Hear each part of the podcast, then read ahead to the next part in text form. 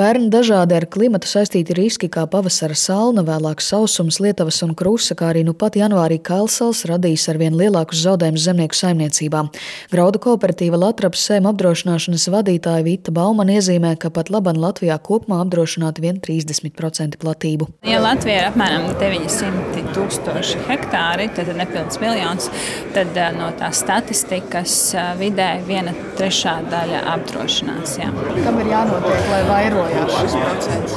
Es domāju, ka tas nav tikai arī apdrošināšanas jautājums, tas ir finanšu pratības jautājums, kā katra saimniecība plāno savu attīstību, turpmāko darbību. Tas uh, iet roku rokā ar to, cik daudz saimniecības jau ir tādā līmenī, kad viņas spēj domāt par to apdrošināšanu, jo svarīgāk būs iesēt to, to graudu zemē.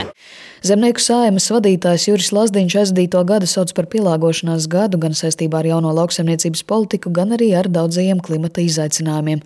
Pēc lauksaimnieku organizācijas aplēsēm tieši graudu ražas pērn bijušas par 20 līdz 30% mazākas. Par vienu no kūtrās apdrošināšanas aktivitātes iemesliem Lazdiņš mina nestabilo un neprognozējumo valsts atbalstu apdrošināšanas polisēm. Iepriekš atbalsta intensitāte bija 70%, šobrīd 50%. Ideālais variants, ko mēs redzam, redzam, tātad šī programma strādā atvērta un visu gadu. Šobrīd tas tā nav. Kā arī tas, ka jā, šajā gadā ir papildus piešķirti vairāk kā 10 miljoni taisnīgi šai programmai, ir labi, bet tas ir viens gads. Uz 25. gadu šādu finansējumu nav. Mēs nezinām, vai viņš būs. Tur ir ļoti liels darbs vēl no ministrijas puses jāiegulda, lai, lai mēs nostabilizētu šo pozīciju kā arī, nu, manuprāt, lauksaimniekiem cerēt uz to, ka viņiem paveiksies un ka kāds kompensēs pēc šī gada pieredzes Nu, nevajadzētu teikt, ka polises ir pārāk dārgas. Manuprāt, tas nav arguments. Savukārt zemkopības ministrs Armāns Krause no Zaļo un Zemnieku savienības savā uzrunā konferences dalībniekiem norādīja, ka jāatgriežas arī pie diskusijas par lauksaimniecības riska fonda izveidi. Valstī nav iespējams atbalstīt visu laiku dažādas nozars. Un tiešām apdrošināšana darbojās lielākā daļā Un es redzu, ka tā tam arī jāpaliek, bet mums ir noteikti arī jādomā par tām nozarēm, kur apdrošināšana ir ļoti apgrūtināta. Augļkopība, dārziņkopība, tas ir lobarības, zālāji, kukurūza. Un šeit eh, ļoti nopietni mums jāatgriežas pie vēsturiskās diskusijas par riska fondu izveidi nu, no valsts puses, tāds kopfonds, kur gan paši lauksaimnieki, kur mēs arī varētu izmantot Eiropas finansēšanu administrēšanai,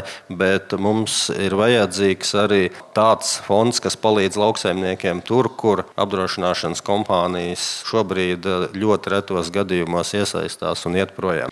Latvijas apdrošinātāju asociācijas dati liecina, ka 2022. gadā lauksaimniekiem izmaksāti 9 miljoni eiro par zaudējumiem, sējumiem un stādījumiem, tikmēr pērn tikai 8 mēnešos atlīdzībās jau tika izmaksāti 16 miljoni eiro.